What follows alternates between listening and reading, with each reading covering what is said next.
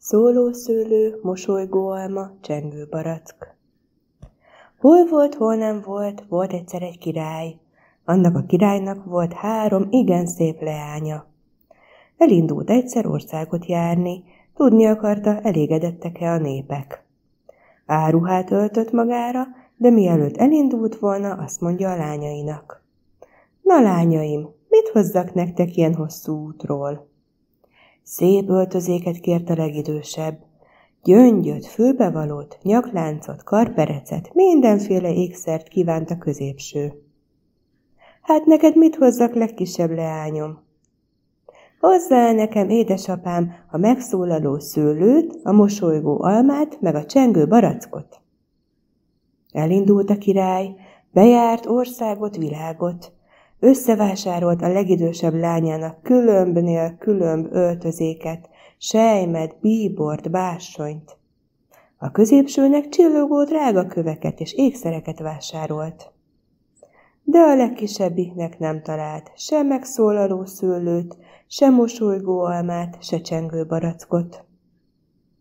Hát, ahogy jött hazafelé, úgy belerekedt a hintója a sárba, meg se lehetett mozdítani. Mérgelődött a király a kocsisával. Miközben mérgelődnek, egy hatalmas fehér disznó ugrik ki az erdősségből, és azt mondja a királynak. Mit adsz nekem, felséges királyom, ha kihúzom a hintódat a sárból? Mit adjak én neked, te disznó? A legkisebb lányodat? Úgy sem gondolja komolyan, mondta a király. Isten neki, itt a kezem nem disznóláb. Erre a disznó odament a hintóhoz, és az orrával kiemelte a sárból. Hazaért a király, odaadta az ajándékot a nagyobbik meg a középső lánynak, és azt mondta a legkisebbnek. Látod, édes szép leányom, miért kívántál olyat, amit nem tudtam teljesíteni? De ahogy ezt mondja, egyszer csak röf-röf-röf. Jön a disznó, és még egy taligát is hozott magával.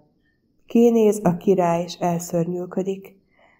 Mi baja van, édesapám? Miért borult így el az arca? kérdezi a legkisebbi királykisasszony.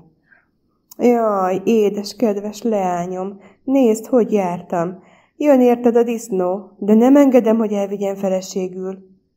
Hamar felöltöztettek egy szolgálót, s odavitték a disznónak. De az kiborította a talicskából, s tovább röfögött az ajtónál.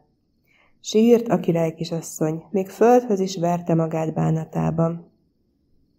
Öltöz szegényes gunyába, akkor biztos nem tetszel neki, mondta a király. Feladtak rá mindenféle rongyot, s leküldték az udvarra. Erre megörvendett a disznó, röfögött örömében, hamar felültette a taligára, gyorsan tolta, vitte az erdőbe. Nem sokára egy fából épült disznóolhoz értek, letette a lányt a piszkos szalmára, szénára. Sírt a király kisasszony, addig sírt, amíg el nem aludt. Mikor felébredt, hát uram teremtőm, olyan gyönyörű szép palotában találta magát, hogy azt elmondani nem lehet. Gyémánt volt annak minden szeglete, még a lépcsője is drága kövekkel volt kirakva. A disznó meg eltűnt, hanem helyette egy szépséges királyfi sétált föl s le. Oda ment a királykisasszonyhoz, megfogta a kezét, és azt mondta, Tudd meg, engem egy tündér elvarázsolt, hogy addig disznóképében legyek, még egy királylány nem lesz a feleségem. Karon fogta, levezette a palota kertjébe, tele volt az mindenféle gyümölcsel. Oda mentek a szőlőhöz, amelyik megszólalt. Mentek tovább, ahol mosolygott az alma, s csengett a barack.